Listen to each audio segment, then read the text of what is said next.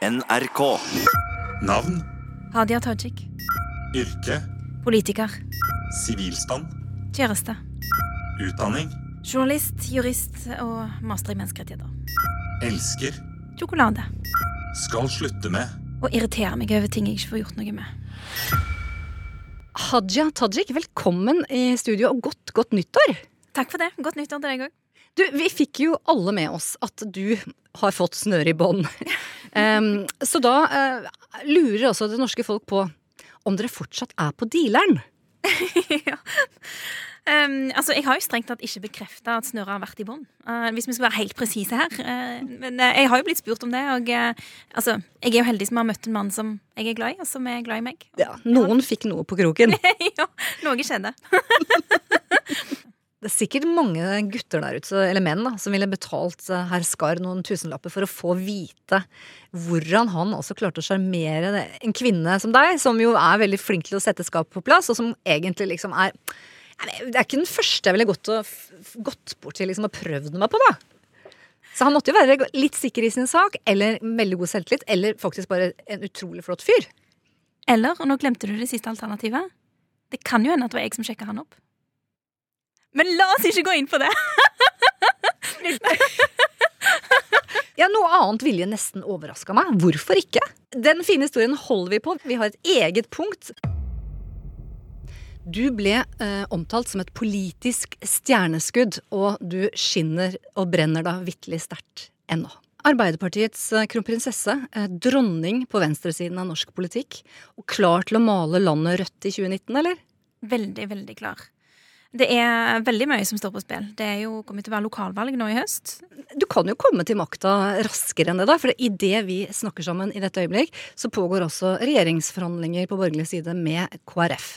En spennende start på året som faktisk, Hadia Tajik, det er jo ditt jubileumsår i norsk politikk. Det er altså uh, i 1999, for 20 år siden, at du som 16-årig skoleelev og Pia fra Tau i Bjørnheimsbygd i Rogaland melder deg inn i AUF. Du hva, akkurat det hadde jeg glemt, for Når du nå sa jubileumsår, så tenkte jeg Jeg ble valgt inn på Stortinget i 2009, så det blir liksom tiårsjubileet for det. Eh, men ja, jeg hadde glemt ut at jeg hadde meldt meg inn i AUF i 1999. Um, jeg gikk på videregående skole, og jeg husker veldig godt hvordan jeg samla inn brosjyrene fra de ulike partiene. Jeg kan avsløre at jeg satt igjen med Arbeiderpartiet og SV. Og så eliminerte jeg vekk SV. Jeg syns de var litt for revolusjonære. Det er altså 20 år siden, og det var der alt startet. Det var der alt startet. de ti mest googlede spørsmålene om Hadia Tajik. Noen ganger så kan jo du fremstå litt som en kontrollfrik. Hvordan er det nå da å skulle gi fra seg makta til det norske folk, og en liste over altså, hva folket har googlet om deg i året som gikk? Det er litt grann skummelt, for du har helt rett. Jeg er litt grann kontrollfrik. Jeg liker å ha oversikt. Men betyr det da at du også bruker tid på å google deg selv? Nei.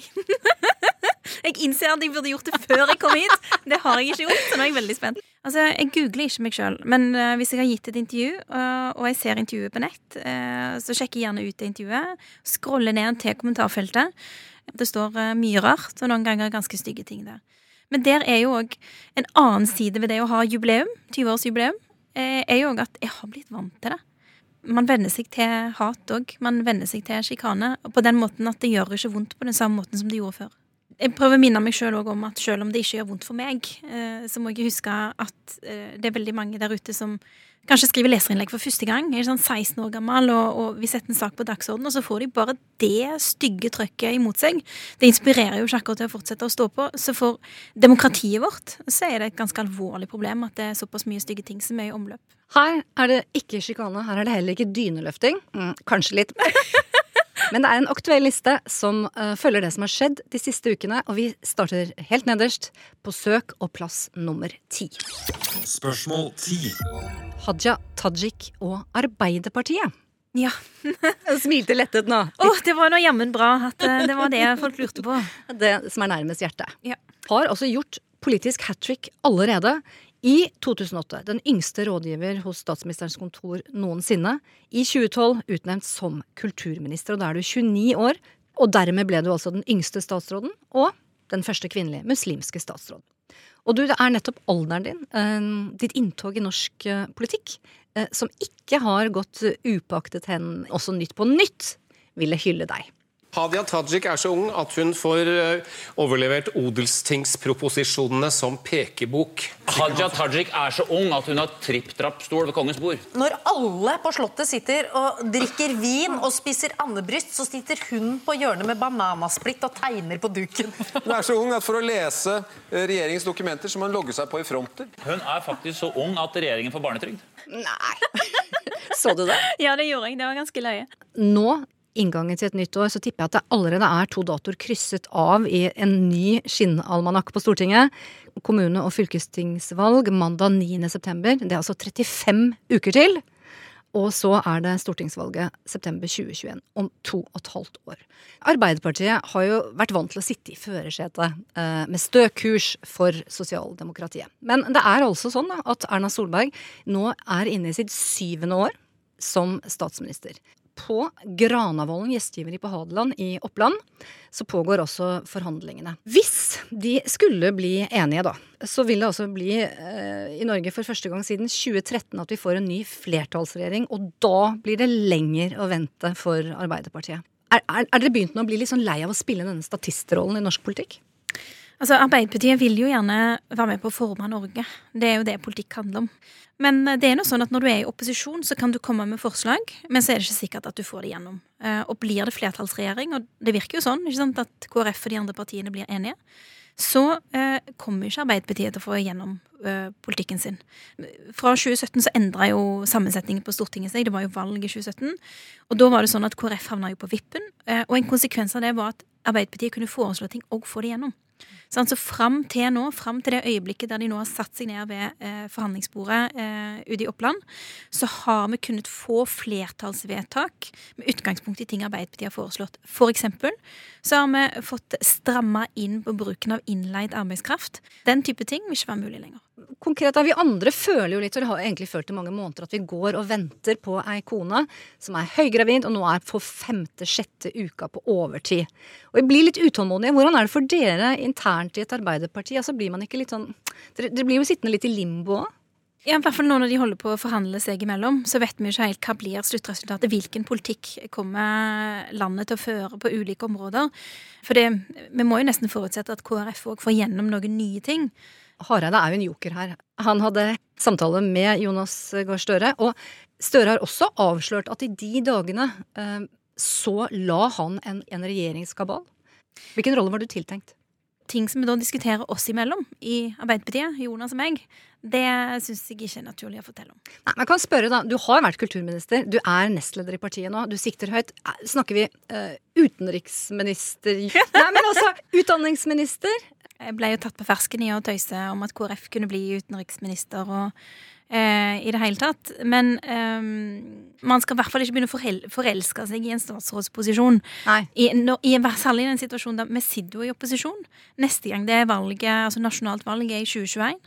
Eh, vi får nesten eh, fortjene folks tillit. Jeg eh, påtar meg det ansvaret som eh, partiet skjenker meg. Men, men allikevel kanskje også godt for et parti som har stått i en stor, sto i en stor krise ved inngangen til fjoråret, Og få samlet seg og få en slags sånn nødvendig ro rundt politikken sin òg. Jeg er imponert over partiet. Um, fordi det er sant som du sier at det var en krevende situasjon for Arbeiderpartiet i fjor vinter. Og det har bare gått et år. Men et elendig stortingsvalg 2017. Hva gjør, hvilke grep har dere begynt med allerede nå for å sikre liksom, at eh, valgkampmaskineriet er smurt? Jeg opplever partiet som, eh, som, som samla. At alle har fokus på at det snart er lokalvalg. Eh, og så er det kort tid etter det så er det nasjonalt valg igjen. Eh, folk må oppleve at vi har politikk som treffer de og deres hverdag. Hvordan jobber du, ikke bare konkret, liksom, men også mentalt? For det er, det er, jo, det er jo som Tour de Ski liksom, om to og et halvt år, da. Eh, Er du toppolitiker, så må du jobbe sånn som toppidrettsutøvere gjør. Og det betyr at det er liksom tre kategorier av ting som må gjøres. Det ene er at du må trene. Du må øve deg på det som er vanskelig. Eh, Du må ha oversikt og i det hele tatt eh, være trygg. For oss kan jo trening være sant, å skaffe seg oversikt over et politikkområde. Møte fagmiljøer, møte folk, samle inn informasjon, lage ny politikk. Det andre du må gjøre, er at du må konkurrere. Du må vise at det, det er du som er best. Eh, og du, altså, du må vise det både for deg sjøl og for de andre, for publikummerne. Det er når du går i debatter eller holder taler og viser fram at dette er faktisk dette er verdt å stemme på, dette er en retning for landet som, som, vil, som folk vil ha. Da. Eh, og det tredje du må gjøre, er at du må hvile. For hvis du bare trener og bare konkurrerer, og ikke hviler, så får du ikke restituert. Og hvis du ikke restituerer, så vil du ikke være i stand til å verken gjennomføre eller komme i mål eller få gode resultater. Det er utrolig viktig. Du må gå hjem og legge deg, du må hvile, du må kose deg med vennene dine, du må ha det godt, eller så orker du ikke, og ingen gidder å høre på deg. Altså, nå følte jeg nesten at det ble avslørt at Gert Ingebrigtsen han har en datter til i flokken. Du, han er jo fra Sandnes i Rogaland, så det kan jo hende at det er et eller annet her som vi burde vite om. Altså, Jeg har ikke sånne kjempestore mål der, annet enn å liksom prøve å altså, være i god form, fordi jeg merker at eh, jeg blir glad av det. Altså, Man får tømt hodet, og det er godt. Trene eh, enten kondisjon, og da løper jeg. Eller så trener jeg styrketrening. Åh, denne jenta hun kommer til å bli vanskelig å slå på oppløpssiden. Nå er det alvor. Av med silkehanskene. Let the games begin. Spørsmål 9. Det burde nesten vært en fanfare her fra Hans Majestet Garden, men det er altså Hadia Tajik, statsminister. Så hyggelig, da. Eller, eller er det det? Eller altså, er det de som eh, ønsker at det skal skje, som søker på det? Eller er det de som er livredde for at det skal skje, som nå skal søke og sjekke om, om det er fare for at dette kan komme til å skje, for da må de forhindre det? Det Jeg tror det er førstnevnte. Jeg ville tatt det positivt. Jo, ok. Da, da får vi velge det. Mange spør seg der ute. En kvinne med ditt talent, og ikke minst dine ambisjoner, vil jeg tro. Har du som mål, Hadia Tajik, innen de tre neste årene å bli første kvinnelige muslimske partileder i Arbeiderpartiet og statsminister? Nei. Fem årene. Søren! Ti årene. Jeg skjønner jo at du ikke vil sitte her og si det, men alle kan jo ha hårete mål. Hva, har du et hårete mål, da? Er et av disse eh, på bucketlista, da? Altså, det mest hårete målet man kan ha, er å være skikkelig skikkelig god der man til enhver tid befinner seg. Og, og det høres litt sånn teit ut å si, men vi har alle møtt folk som i stedet for å være liksom til stede i den situasjonen de er i, eller til stede i det vervet den posisjonen de har, har masse fantasier om hvor, hvor de skal være om ti år. Og du ser det på blikket deres. De har et litt sånn fjernt, nesten innadvendt blikk eh, mens du snakker med dem, for egentlig er de en annen plass. De er inne i fantasien sin, inne i drømmen om hva de en dag skal bli. Eh, og sånn orker jeg ikke å være. Og da begynner man òg å tenke, jeg tror, på folkene rundt seg som midler mer enn mål i seg sjøl. Altså midler på veien til et annet mål. Um, og det tror jeg er en ganske farlig vei å begi seg ut på, særlig innenfor politikk. Der ganske mye kan være såpass maktorientert, da. Så tror jeg at um, det er skadelig. Altså det er skadelig for hjertet ditt, hvis du begynner å tenke sånn. Eller sier noen som hører på nå, er det forelskelsens rus som snakker og legger et dempende slør på Hadias egentlige ambisjoner? Du har ikke firt ned på det pga. kjærligheten? Altså, eh, jeg, eh, jeg vil ikke være sammen med en mann som legger begrensninger på meg, og det er jeg veldig glad for at jeg eh, altså ikke er. Det hadde jeg aldri tvilt på heller. Du har sagt, det sto på hjemmesiden din, det bør kun være to begrensninger i livene våre. Hvor høye mål vi setter oss, og hvor hardt vi er villige til å nå målene våre. Du er norsk pakistaner, oppvokst i Bjørheimsbygd i Rogaland. Hvilke frø ble sådd eh, hjemme hos dine foreldre når du var liten? I deg, tror du? Eh, Hva har du tatt med deg hjemmefra? Jeg tror er Noe av det aller viktigste jeg har tatt med meg hjemmefra, er at eh, man må jobbe hardt. Um, og en del ting som foreldre forteller ungene sine, det forteller de uten å si, noen, altså si noe som helst. Altså De for, formidler det uten ord. Uh, og mine foreldre de kom jo til Norge som uh, arbeidsinnvandrere uh, på 70-tallet. Um, de var nødt til å jobbe hardt. Det må man jo. Altså, når de, de hadde ikke noe nettverk her, hadde ikke noe ja, eh, De hadde ikke noe penger. Altså, det de hadde, var de klærne de hadde på seg, og den lille kofferten som de bar på eh, når de kom til Norge. Um, så de har stått veldig på gjennom hele sitt voksne liv. Eh, og jeg har sett de gjøre det. Jeg har sett hvor sliten far min har vært når han har kommet hjem fra arbeidet på verftet. Eh, jeg har sett hvor eh, sliten mamma har vært når hun har drevet en butikk. Vi hadde en butikk i Bjørningsbygd, og samtidig drevet husholdningen og oppdratt meg og broren min. Jeg har sett hva det har krevd av de, og det har òg på sett og vis vært en verdi da, som de har formidla videre både til broren min og til meg, at, at dette er viktig. Si alle utdanningene du har tatt. Ja, jeg er utdanna journalist. Det er en bachelorgrad. Og så la jeg på en mastergrad i menneskerettigheter. Og så starta jeg på jusutdanning, så jeg, har, jeg, jeg er utdanna jurist. Mastergraden min tok jeg i England, og der betaler man jo skolepenger og greier. Eh, og i løpet av det året så tenkte jeg mye på hvor, hvor lyst jeg hadde, hadde til å studere juss. Eh, og så tenkte jeg til slutt vet du hva, jeg kan jo gjøre det. Altså, det altså, jeg trenger ikke betale skolepenger hjemme. Ikke sant? Det, vi har jo tilgang til gratis, god, høyere utdanning altså, med, med god kvalitet. Og det er en samfunnsmodell som er den er uvanlig i verdenssammenheng, altså. Og vi bare tar det virkelig ikke inn over oss. Men det er, det er oss, og så er det de skandinaviske landene som har dette her. Det, rommet for å gjennomføre klassereiser i Norge er ganske stort, så lenge vi sørger for at det er små forskjeller mellom folk. Så det krever at vi politisk tar ansvar da, og sørger for at forskjellene ikke fortsetter å øke. For da blir veien fra det å ha bakgrunn fra Bjørnsbygd og ende opp på Stortinget, den veien blir veldig mye lengre for neste generasjon. Men tilbake til spørsmålet statsminister. Det betyr du har virkelig CV-en i orden om den dagen skulle komme, da. Hvis den hadde kommet på sånn hyggelig vis. Du hadde tatt den muligheten. Arbeiderpartiet har allerede en partileder Ja, som men er statsministerkandidat. sånn- statsministerkandidat. Litt sånn 20 år? Altså bare sånn eh, hypotetisk. Jeg vil ikke leve Nei. i en fantasiverden som ligger 20 år fram i tid. Nei. Jeg vil være en best mulig nestleder, eh, når det nå jo er det jeg er. Du sier at du har jo aldri i Arbeiderpartiet hatt en egen fløy i partiet, og du vil ikke ha en, en fløy. Mange mener at det eh, er med på å gjøre deg til den sterke stemmen du er, men er det også en svakhet? Altså, Jeg har stort sett fått høre at det er en svakhet. Jeg har stort sett fått høre at eh, jeg ikke har noe nettverk i Arbeiderpartiet. Eh, At de mulighetene jeg har fått, har handla om at enkeltpersoner med, med posisjon, da, enten det er Jens Stoltenberg eller Bjørn Håkon Hansen eller, eller Jonas, har eh, sett meg og gitt meg muligheter. Eh, Det kan godt hende at det stemmer. Men det er ganske absurd å på den ene siden ha hørt denne historien om seg sjøl de siste nesten ti årene, for så å oppleve at eh, enkelte i dag påstår at, at jeg både har en fløy og driver med maktkamp. Altså, disse, begge disse historiene kan ikke stemme på en og samme tid.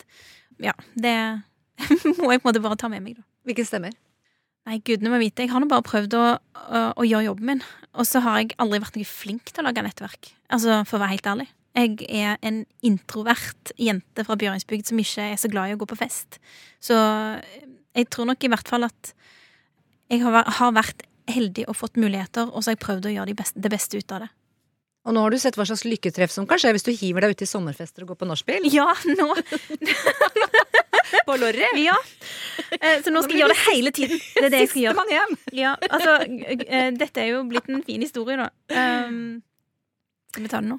Eller? Nei, den kommer. Den Den kommer. kommer. Ja, og den, den fine historien holder vi på. Vi har et eget punkt. Spørsmål åtte. Hadia Tajik muslim. Og jeg har egentlig lært meg eh, når det gjelder smalltalk, så er det to ting man ikke skal spørre fremmede om. Og det er religion eller politisk ståsted. Ja. Som barn så pugget du arabiske koranvers på ferie i Pakistan. Men du har også sunget salmer i Misjonssambandets barnehage i Tau. Det er på en måte det beste av to verdener, eller? Jeg syns jo det sjøl. Hvordan reagerer du da på at du, du er blitt kalt for muslim light, kulturell muslim? Hvordan vil du selv beskrive ditt eget forhold til din religion? Altså, jeg pleier bare å si at jeg er muslim. Altså, punktum. Um, men jeg opplever jo ofte at det er noen som sier at eh, ja, ja du, er vel ikke, du er vel ikke sånn muslim. Du er vel, du er vel sånn, litt sånn kulturmuslim. Eller, og, jeg, og jeg opplever at det de egentlig prøver å gjøre, er å gi meg et slags kompliment. For det de egentlig prøver å si, er at men, men du er jo så hyggelig og grei og lett å ha med å gjøre at du, du er jo ikke sånn muslim, sånn som, sånn som de andre. Men egentlig er det hvis man tenker seg om, så er det egentlig ganske stygt sagt. Fordi det man sier da, er at definisjonen på en muslim det er de strengt konservative og liksom strengt praktiserende, som er bokstavtro på hva Koranen går ut på. Det er de som er muslimer. Men så, de som er sånn som meg, som jeg vil påstå det er flertallet, som anser seg selv for å være muslimer, og at vi liksom ikke er muslim god nok. Og det som da er verst av alt, da ender du faktisk opp med å ha den samme muslimdefinisjonen som de fundamentalistiske islamistene, som er mest bokstavtro på Koranen, på hva det vil si å være god nok muslim. Eller er det nok muslim? At du er litt for lite det bildet som mediene kanskje har skapt av kvinner, muslimsk kvinne? Altså, For enkelte er jeg for lite muslim, eh, og for andre er jeg for mye muslim. Eh, På den måten at eh, aller helst så skulle de sett at jeg ikke var det, eller at jeg i hvert fall tok avstand ifra eh, min egen religion. At det ikke holder å ta avstand ifra de som begår ugjerninger og kriminalitet i religionens. For det gjør jeg jo virkelig. Sånn, det tar jeg avstand fra. Men jeg er jo muslim. Jeg syns det har vært litt passivitet fra norske politikeres hold når det gjelder um, den forferdelige hendelsen ved inngangen til nyttåret. Hvor vi opplevde altså at to unge jenter, danske Louise og Marie Ueland da fra Bryne, fra Rogaland, fra ditt distrikt, eh, ble offer for en grusom terrorhandling utført av militante islamister i Marokko. Eh, Hvordan reagerte du da som ung kvinne bosatt i Norge, men også kvinne og muslim, at terrorister misbruker din religion? De utnytter liksom samme profet som deg, da. Din Allah. Altså, det er ekstremt opprørende. Først og fremst med tanke på familien som sitter igjen, eh, og som lever videre uten de som de er glad i. Eh, men så blir jeg òg opprørt fordi jeg ser nettopp det at, at det er militante islamistiske grupperinger som kidnapper min gud, da. Og som sier at han egentlig er på deres lag. At han egentlig står inne for det de gjør. Men det nekter jeg å være med på. At, at min eh, tro, at min gud, skal være med på å legitimere den type hat som de står for. Jeg har brukt store deler av mitt politiske liv på å bekjempe nettopp den type holdninger. Eh, Jeg satt i justiskomiteen i forrige periode. Fremma forslag mot ekstremisme og ekstreme miljøer og ekstreme ytringer og den typen der. Og dette er noe av det jeg gjerne ønsker å bruke politisk tid på. Men et lite bilde, da. Ødelegger det noe for deg når du da i dine stunder, de ganger du skal be i løpet av en dag, når du skal med din stemme alene si Allah akbar, som jeg regner med du sier, Gud er stor. Ødelegger det deg noe ved at dette misbrukes så kraftig rundt i ulike steder i Europa? Altså, jeg snakker norsk til Gud. Og du gjør det? Eh, Ja, jeg, jeg satser på at han kan norsk, jeg. Eh, Det, det Nå vil- sa du han! Du pleier å si hun! Ja, er Du er sant. feminist! Du sier Han, at Gud er hun. hun. Ja. Hen. Hen, ja. Nei, altså, hvem vet? Ja. Men i hvert fall eh, jeg, jeg sier altså ikke Allahu akbar på den måten som altså, sånn, altså, jeg sier det på norsk, um, og regner med at de blir forstått.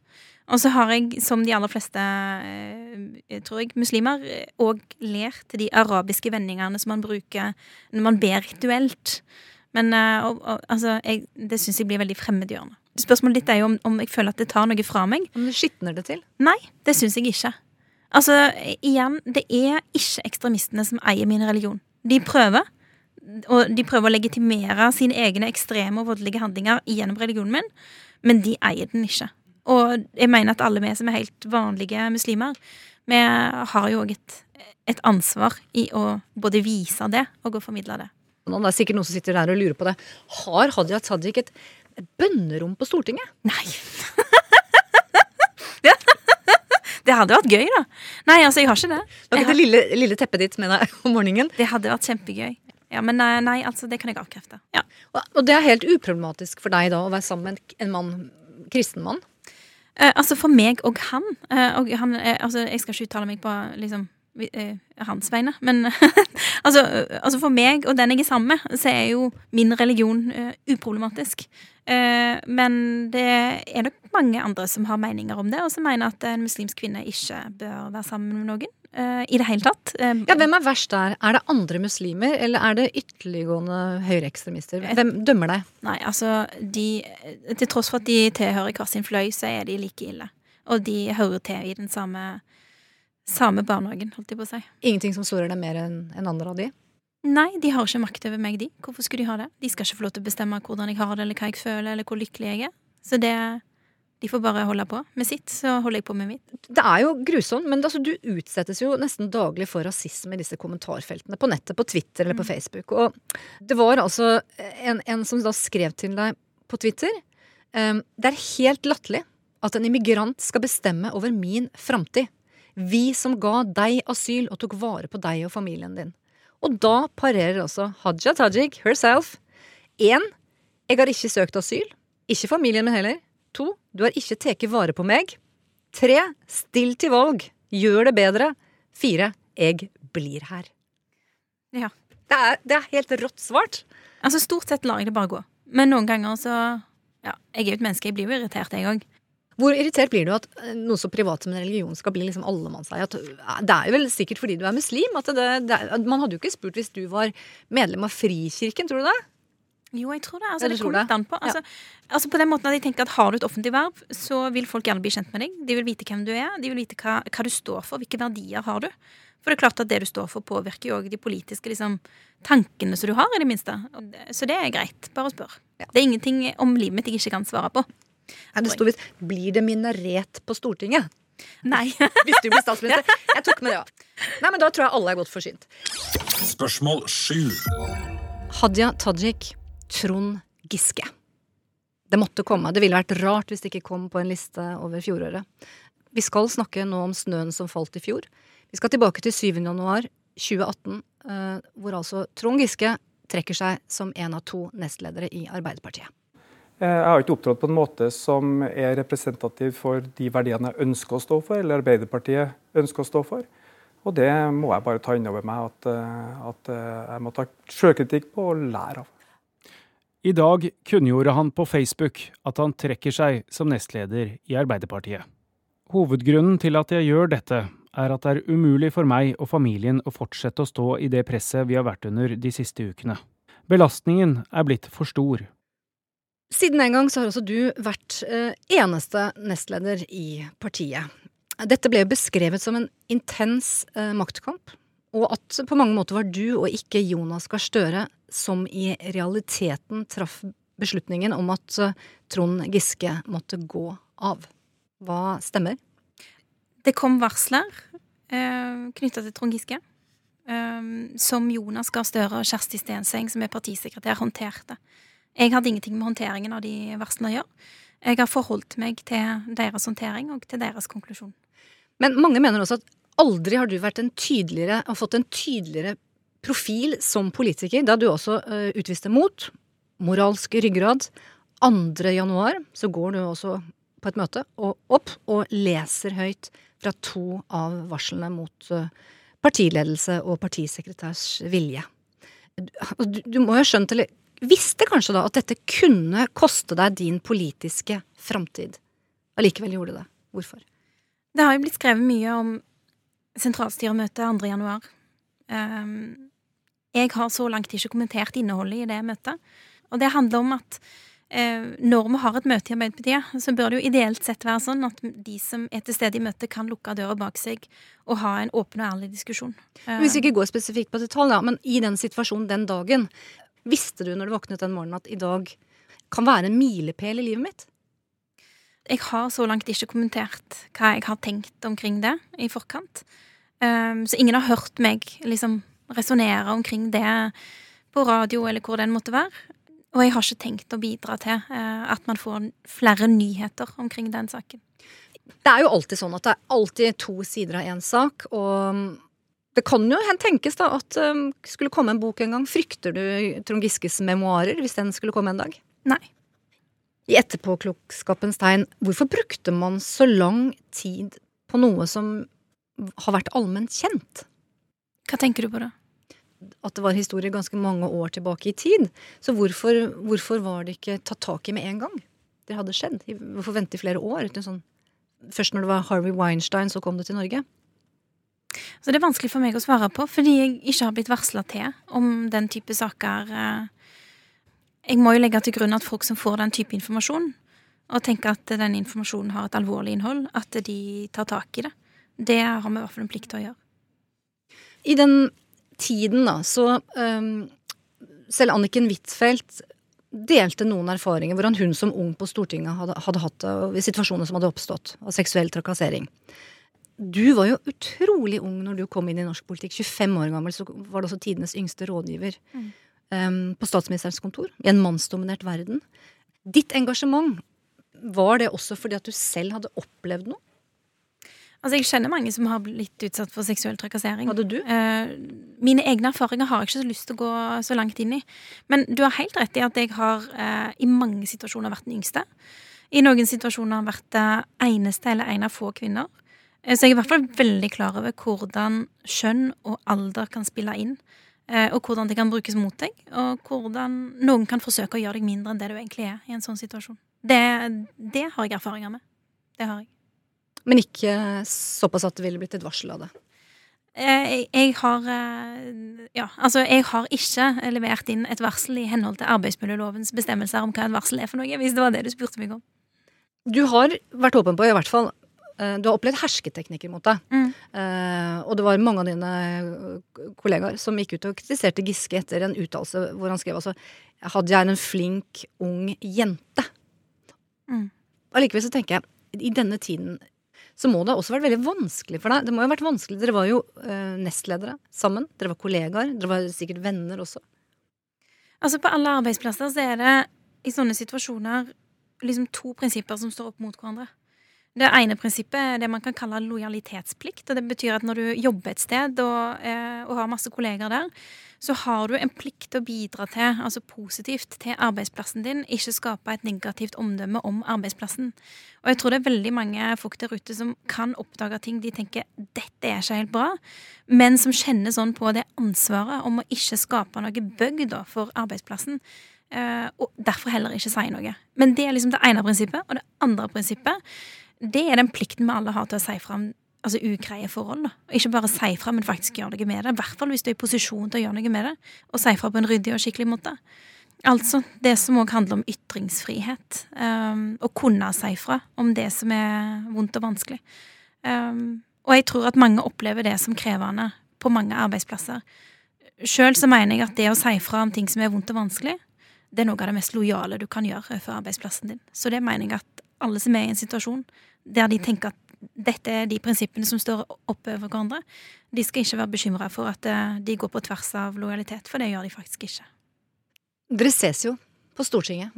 Hvordan er forholdet ditt til Trond Giske nå? Altså, Trond eh, har vært eh, viktig for Arbeiderpartiet i mange år. Eh, han sitter jo nå i stortingsgruppa vår, og er òg et viktig bidrag i stortingsgruppa vår.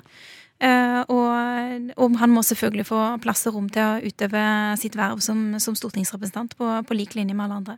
Det omgås jo lett og greit. Altså, jeg, jeg begrenser meg til å si det jeg har sagt nå. Det at vi hadde metoo, eh, og diskusjonene knytta til seksuell trakassering eh, på en rekke sektorer og bransjer, altså ulike arbeidsplasser, tror jeg har bidratt til mer bevissthet omkring hva seksuell trakassering er for noe. Hvor vanlig det er. Eh, hvor utsatt eh, man kan oppleve seg å være hvis det er noen som har makt over deg og makt over hverdagen din, som, som prøver å gjøre seksuelle tilnærminger. Um, så jeg tror at det har utgjort en forskjell på den måten, at man har mer bevissthet. At folk ikke Altså folk som har gjort sånne ting, at de ikke slipper unna med det i like stor grad som før. Um, I Arbeiderpartiet så har vi også revidert eh, retningslinjene våre for hvordan man håndterer saker knytta til seksuell trakassering, og forankra det ute i organisasjonen, sånn at vi skal være trygge på at vi håndterer det på en skikkelig måte. Spørsmål 6. Haja Tajik, flink pike. Ja. Ja, Silje, hva tenker du? Jo, men eh, altså, jeg er jo det. Eh, det er bedre å være flink jente enn slurvete gutt. Det er nå min filosofi. Eller slem pike? Eller slem pike. Det eller, Altså, flink pike har jo blitt et slags sånn der syndrom, da. Altså en slags sånn diagnose. Men hva er det det egentlig betyr? Det betyr at du er hardtarbeidende. Du står på. Eh, Du gjør så godt du kan. Du er ordentlig og skikkelig. Ja, det er vel bra, det. Jeg er det. Ja. Og du har skjønt uh, det at uh, the devil is in the details. Ja, det er det. Det er, det er detaljene som kan ta knekken på deg. Um, altså, hvis du ikke har god nok oversikt uh, over hva saken handler om, eller hva som er viktige prioriteringer. Selvfølgelig, Man skal ikke grave seg ned i alt mulig. Man skal ha et øyeblikk og ha en retning på det arbeidet man gjør. Men jeg kommer i hvert fall ikke til å være med på at det å være flink jente liksom ikke skal være en bra ting. Det er en bra ting. Dyrk det. Vil du gå så langt til å beskrive deg som en perfeksjonist? Altså, Jeg legger mye stolthet i hvordan jeg gjør jobben min. Eh, Jeg tenker Man eh, lever bare én gang, og plutselig så viser det seg kanskje til meg at livet er kort. I hvert fall det politiske livet. Og jeg vil nå helst at når jeg kommer ut igjen i den andre enden og jobber med noe annet, at jeg da skal tenke ja, jeg, eh, fikk gjort det jeg mente var viktig å gjøre. At jeg i hvert fall ikke skal se tilbake og tenke at eh, jeg ikke brukte tida fornuftig eller ikke gjorde en grundig nok jobb. Det tror jeg vil være dumt både for meg og for folk. Det. Og så tenker jeg at du og Jonas liksom ser på bakgrunn, karrierevalg osv. Det, det er jo ingen som går rundt og kaller han for flink gutt. Nei, sant. Flinke gutten. Eh, altså, Menn som jobber hardt, blir anerkjent som hardtarbeidende, mens, eh, mens kvinner blir sykeliggjort. Eh, og det er det absolutt ingen grunn til. Vi så jo egentlig konturene av si, denne statskvinnen, den ambisiøse unge jenta, som etter hvert da ender opp som jurist, journalist, nestleder i Arbeiderpartiet. Da du var gjest i God elg her på NRK i 1998 som 15 år gammel. For allerede da hadde du statsmannstakter i rask driv, klar tale. Her en debatt om integrering. Hei, jeg heter Hadia Tajik. Jeg er 15 år gammel og kommer fra Tau. Og det er nettopp deg, Hadia, jeg har tenkt å begynne å stille spørsmål nå. Føler du deg som innvandrer? Nei, slett ikke. Jeg er jo født her, jeg har bodd her hele livet mitt. Så den jorda jeg står på i dag, det er jo, det er jo fedrelandet mitt, det er jo hjemlandet mitt. Og det er jeg stolt av.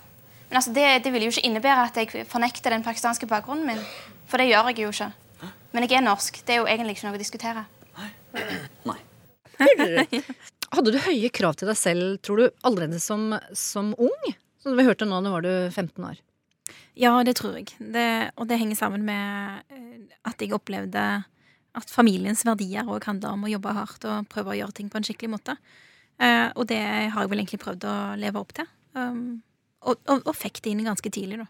Mm. Og så har du sagt, det syns jeg er ganske fin ved inngangen av et nytt år, du har sagt de beste politikerne, det er de som klarer å gi litt faen. Og hvordan går det nå? Vet du hva, det, det syns jeg går bra. Hva er det du skal gi litt faen i? Der vi avslører litt 2019 ligger foran oss. Ja, men altså Det å, å våge å gi litt faen, det handler eh, først og fremst om at du ikke skal hele tiden eh, veie strategisk alle de beslutningene du tar, og alle de veivalgene du begir deg ut på. For Hvis du hele tiden skal liksom gjennomføre en sånn spørreundersøkelse på hva er det som lønner seg å gjøre i den situasjonen eller den situasjonen, da, eh, Altså, du finnes jo ikke som menneske lenger inni alle de der strategiske avveiningene. Så det å i en del situasjoner bare tenke at nå kan strategi være strategi, samme det. Altså, nå, nå gjør jeg bare det jeg mener at det er riktig med de kostnadene det har. Eh, det er politikere som jeg tror på. Og, og det, det, sånn tror jeg det er for folk òg. Eh, I hvilke situasjoner jeg ble nødt til å gi faen i 2019, det gjenstår nok fortsatt å se. Gir du litt faen nå? Hadia Tajik? ja, akkurat nå gir jeg litt faen i hvordan jeg fremstår.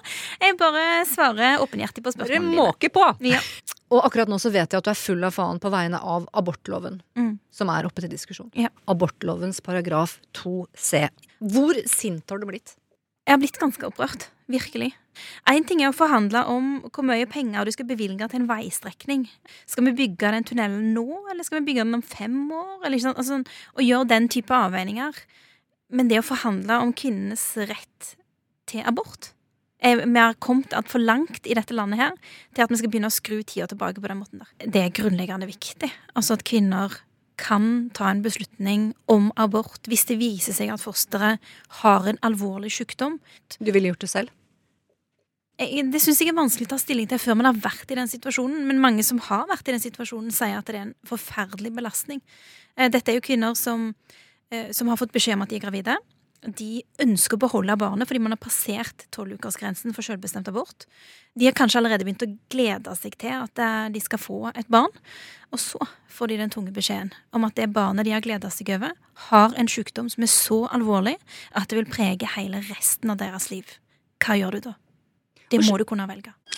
Spørsmål fem. Hadia Tajik, Jonas Gahr Støre. Oi, oi, oi. Og det som er jo litt hyggelig, var jo i hvert fall at i 2012 så satt jo du som kulturminister i regjering under Jens Stoltenberg, og da var jo Jonas Gahr Støre helse- og omsorgsminister i samme periode. Men siden 2014 så er han så Arbeiderpartiets partileder. Arbeiderpartiet gikk på et solid valgnederlag i 2013. Um, så et nytt valg i 2017. Det første med Jonas Gahr Støre som partileder og statsministerkandidat, hvor Ap altså gjør sitt dårligste valg siden 1924, og går mest tilbake av alle partier, ned 3,4% Hvorfor er han rett mann for partiet? Altså, Jonas er eh, inspirerende. Han er kunnskapsrik. Eh, han er ambisiøs på vegne av både Arbeiderpartiet og på vegne av Norge. Eh, han forstår veldig mange av de eh, trendene som kommer til å prege landet vårt i årene som kommer, som vi kanskje ikke fullt ut kjenner på nå. Som f.eks. teknologiske endringer, som kommer til å endre absolutt alle arbeidsplasser, absolutt alle utdanningsinstitusjoner. Eh, og ikke minst eh, altså, utenrikspolitiske trender som òg har betydning for Norge. Så hele den diskusjonen man nå har i Storbritannia for eksempel, om å tre ut av EU, og konsekvensene det kan òg få for norsk handel og norsk handelsadgang til det britiske markedet. Eh, dette er den type ting som ingen kan bedre enn Jonas Gahr Støre. Men han er ikke flasket opp i partiet, sånn som deg som startet i AUF. Kom inn mer i voksen alder. Så man trenger forskjellige erfaringer eh, i et politisk parti. Hvis vi skal klare å representere befolkningen som helhet, så kan ikke alle ha gått partiskolen og meldt seg inn i AUF da de gikk på videregående skole. Det er bare, det er, jeg tror ikke det er fornuftig heller, for da ender vi opp med å bli helt like hverandre alle sammen. Men alle kan heller ikke drikke bare dyre franske viner og spise dyr ost. Ja, men jeg vet ikke om Gjør han det? Altså. det, Altså, er, ikke sant, det er kanskje litt det som er problemet, at imaget rundt uh, Gahr Støre Det er liksom denne verdensborgeren, da. Ja. Ikke gutten i gata. Altså, jeg, jeg opplever Jonas som en, en nøktern mann med, som er jordnær og nedpå. eh, og opptatt av de nære tingene. eh, opptatt av flokken sin. Altså de tingene som vi alle, alle bryr oss om, eh, og som er viktige for hverdagen vår. Men, men dere to utgjør nå da lederduoen i Arbeiderpartiet. Hva kjennetegner det du tenker er liksom det gode samarbeidet deres? Hvordan utfyller dere hverandre? Um, altså, vi er ganske ulike som personer. Jeg vil si at eh, om, om meg sjøl, da. eh, at jeg av og til har en sånn lei tendens til å si helt ufiltrert det jeg måtte mene. Altså sånn at jeg virkelig det bare liksom detter en padde ut av munnen min, og så sitter den på bordet, og så bare vet jeg at jeg lagde den padden. Fordi den padden er akkurat det jeg mener, og da, da sa jeg det. Uh, og så er Jonas noe mer diplomatisk utforma. så han, han lager ikke padder i, i sånne situasjoner.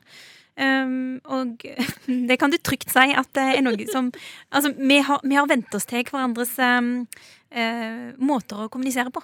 Som et ektepar. Som et ektepar, Ja. ja. Og sånn er det jo gjerne på arbeidsplasser. Ja. Man jobber seg litt sånn sammen, og man finner litt ut av hverandre. Og man, man får litt de der ektepartendensene. Hva ved hans lederegenskaper er det som stimulerer det beste i deg?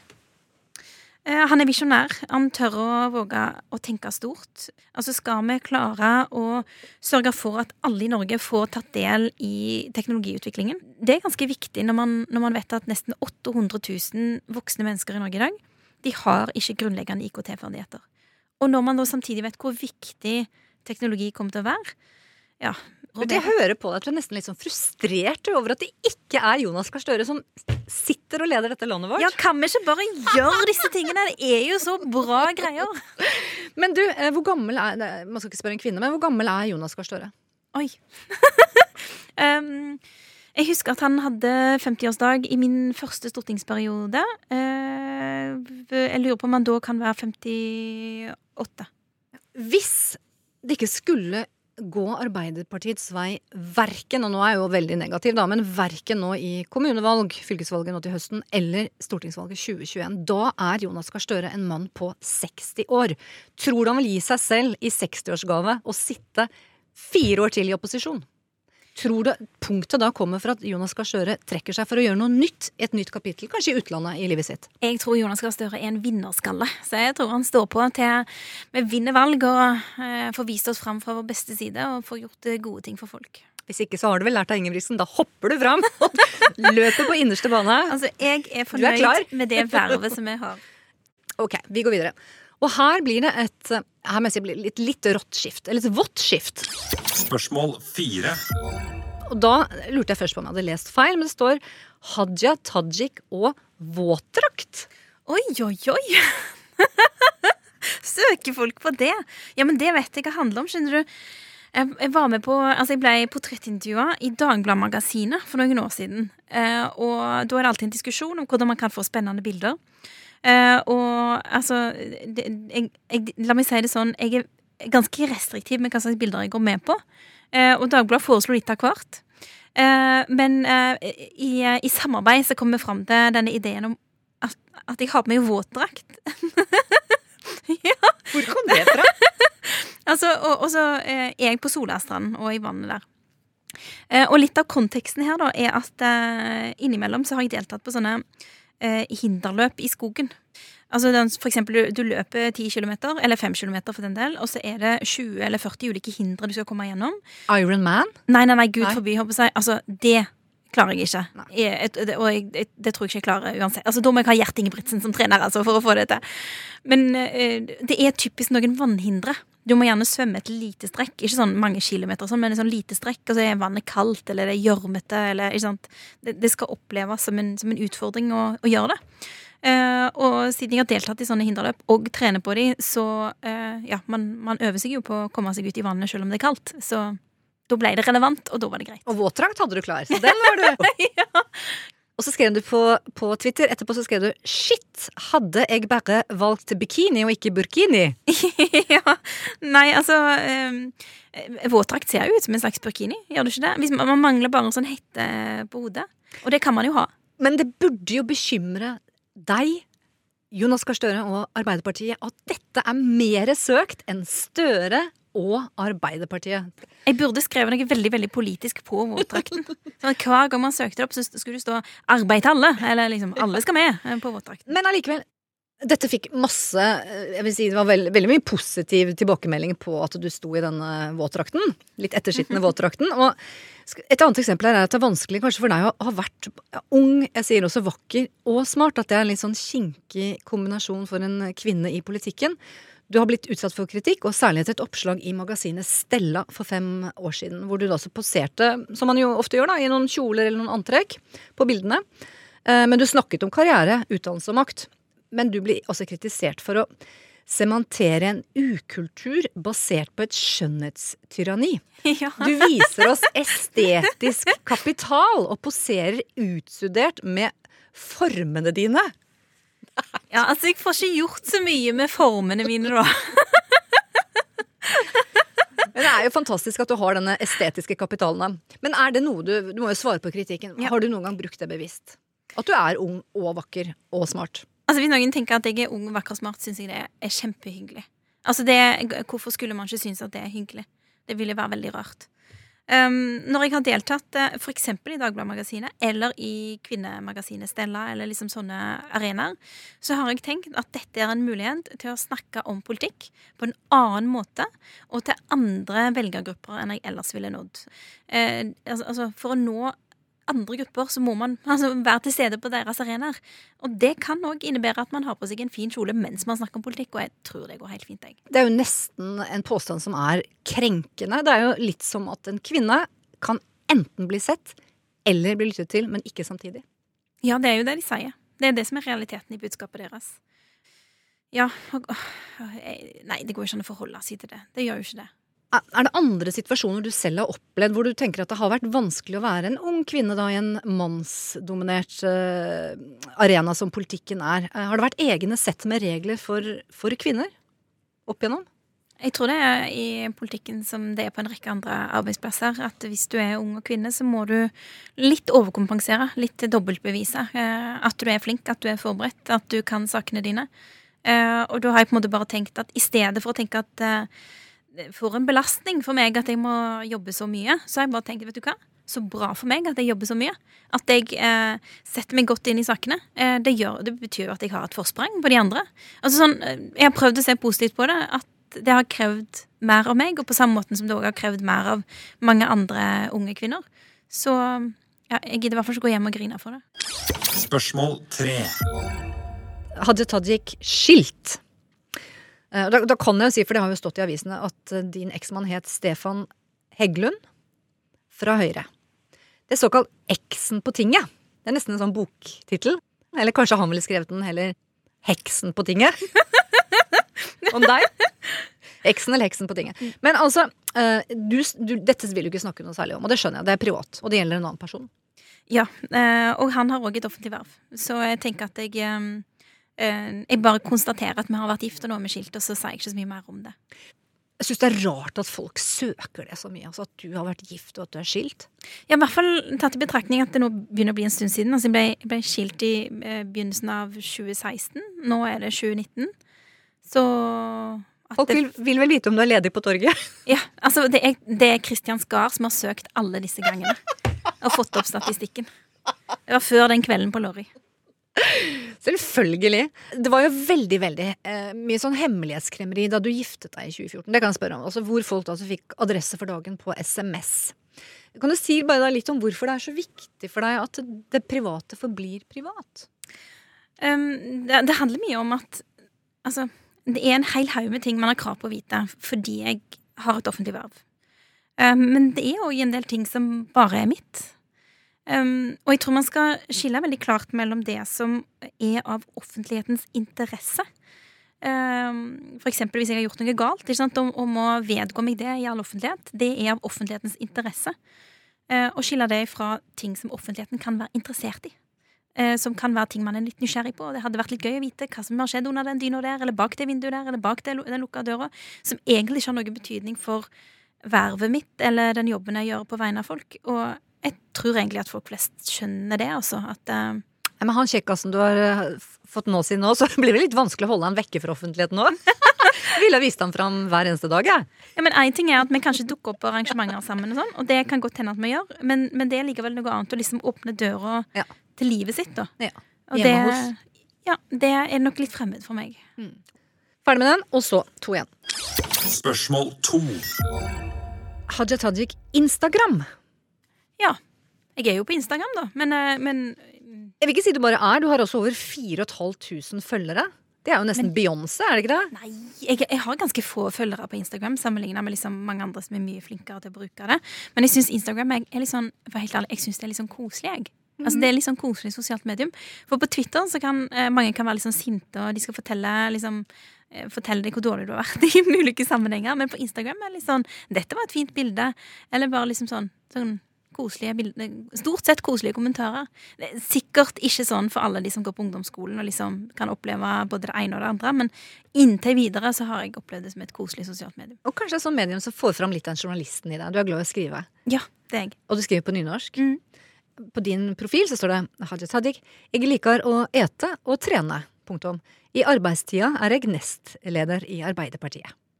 Er jo egentlig ganske utrolig at den lille teksten, brødteksten der kan gi 4500 treff. Eller følgere, da, Så følger, det, dette, følger den. Ja. De har sikkert store forventninger da, til hva som kommer. Eh, Siste posten som jeg så var fra nyttårsaften. Bilde av et nydelig flott fyrverkeri hvor det står, du kan si det selv 2019, I got you. Kom med det. Det, er, altså det, det blir ikke mer offensivt og kort enn det. Det er fantastisk.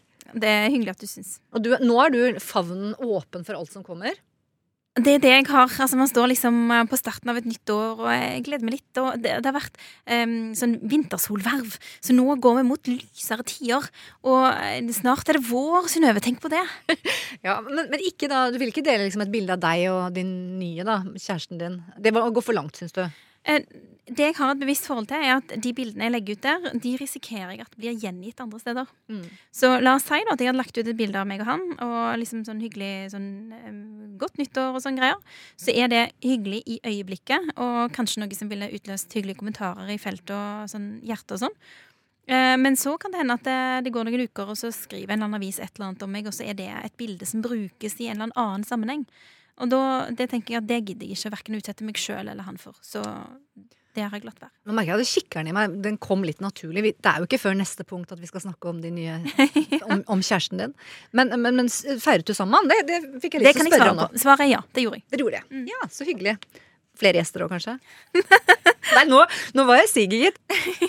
Jeg har sett videre, så er det bilturer med lokale LO-sjefer. Det er bilde ut av et fly, vindu på jobb, rød kjole med Petter Stordalen, deg og Jonas Gahr Støre arm i arm på galla, ute og poserer, skriver du der.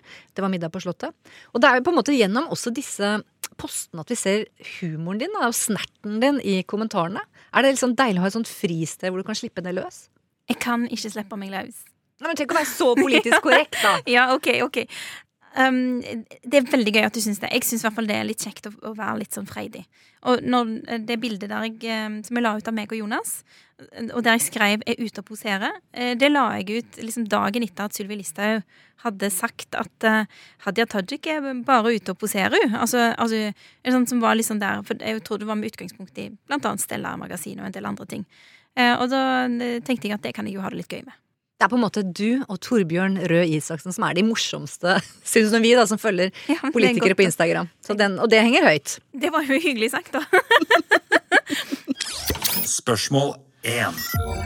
Vi skal på sisteplassen, ett punkt igjen. eh, Og kan du da tenke deg hva som er øverst på lista? Enten kjæreste eller Christian Det aller mest googlede spørsmålet er Hadia Tajik og kjæresten. En, en, må jeg si sånn, flott fyr, da. Jeg har aldri møtt han. Flott fyr, flink fyr. Øh, jobber som politisk journalist i Norge, Øh, senest i DN.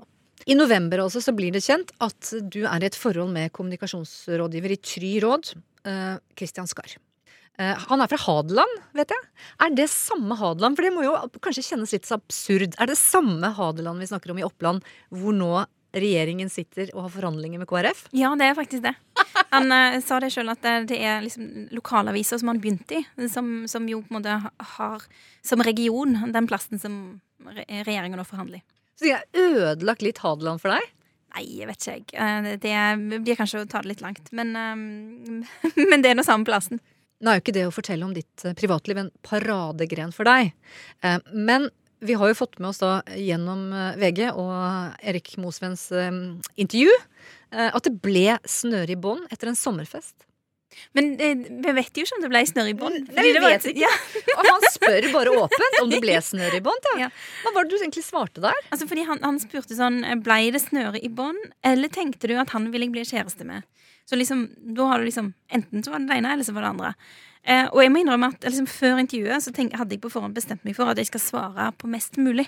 For det er noe med bare liksom avmystifisere og bare liksom fortelle, fortelle historien vår, så er det liksom på en måte gjort. Eh, så når han stilte det spørsmålet om snørrebånd, så var jeg liksom en millimeter fra å nesten begynne å svare på det. Men så bare henta jeg meg inn i siste øyeblikk. Og så, ja, jeg endte jo opp med å si at eh, jeg skal ikke underholde deg med den type svar, eh, men at vi møttes noen ganger til den sommeren. Grunnen til at du, du var veldig nøye på å stå fram med historien selv, hvorfor var det? Eh, Fordi Kristian har jo vært eh, politisk journalist i 25 år. Han har skrevet eh, kritiske artikler om de aller fleste politiske partier, inkludert Arbeiderpartiet. Eh, og eh, i vinter, altså i fjor vinter, så var han òg en av journalistene som, som skrev om eh, varslene mot Trond Giske. Ja, Det var jo det en av noen av de første sakene som kom på trykk. Eh, Men dere, og det sier du, det ville vært direkte upassende. Dere hadde ikke kontakt før sommeren etter. Ja, det er riktig. Det var omtrent seks måneder seinere at vi møttes. Så, altså på den måten. Altså, du treffer jo politiske journalister, men, men det er på en måte en, en litt annen setting.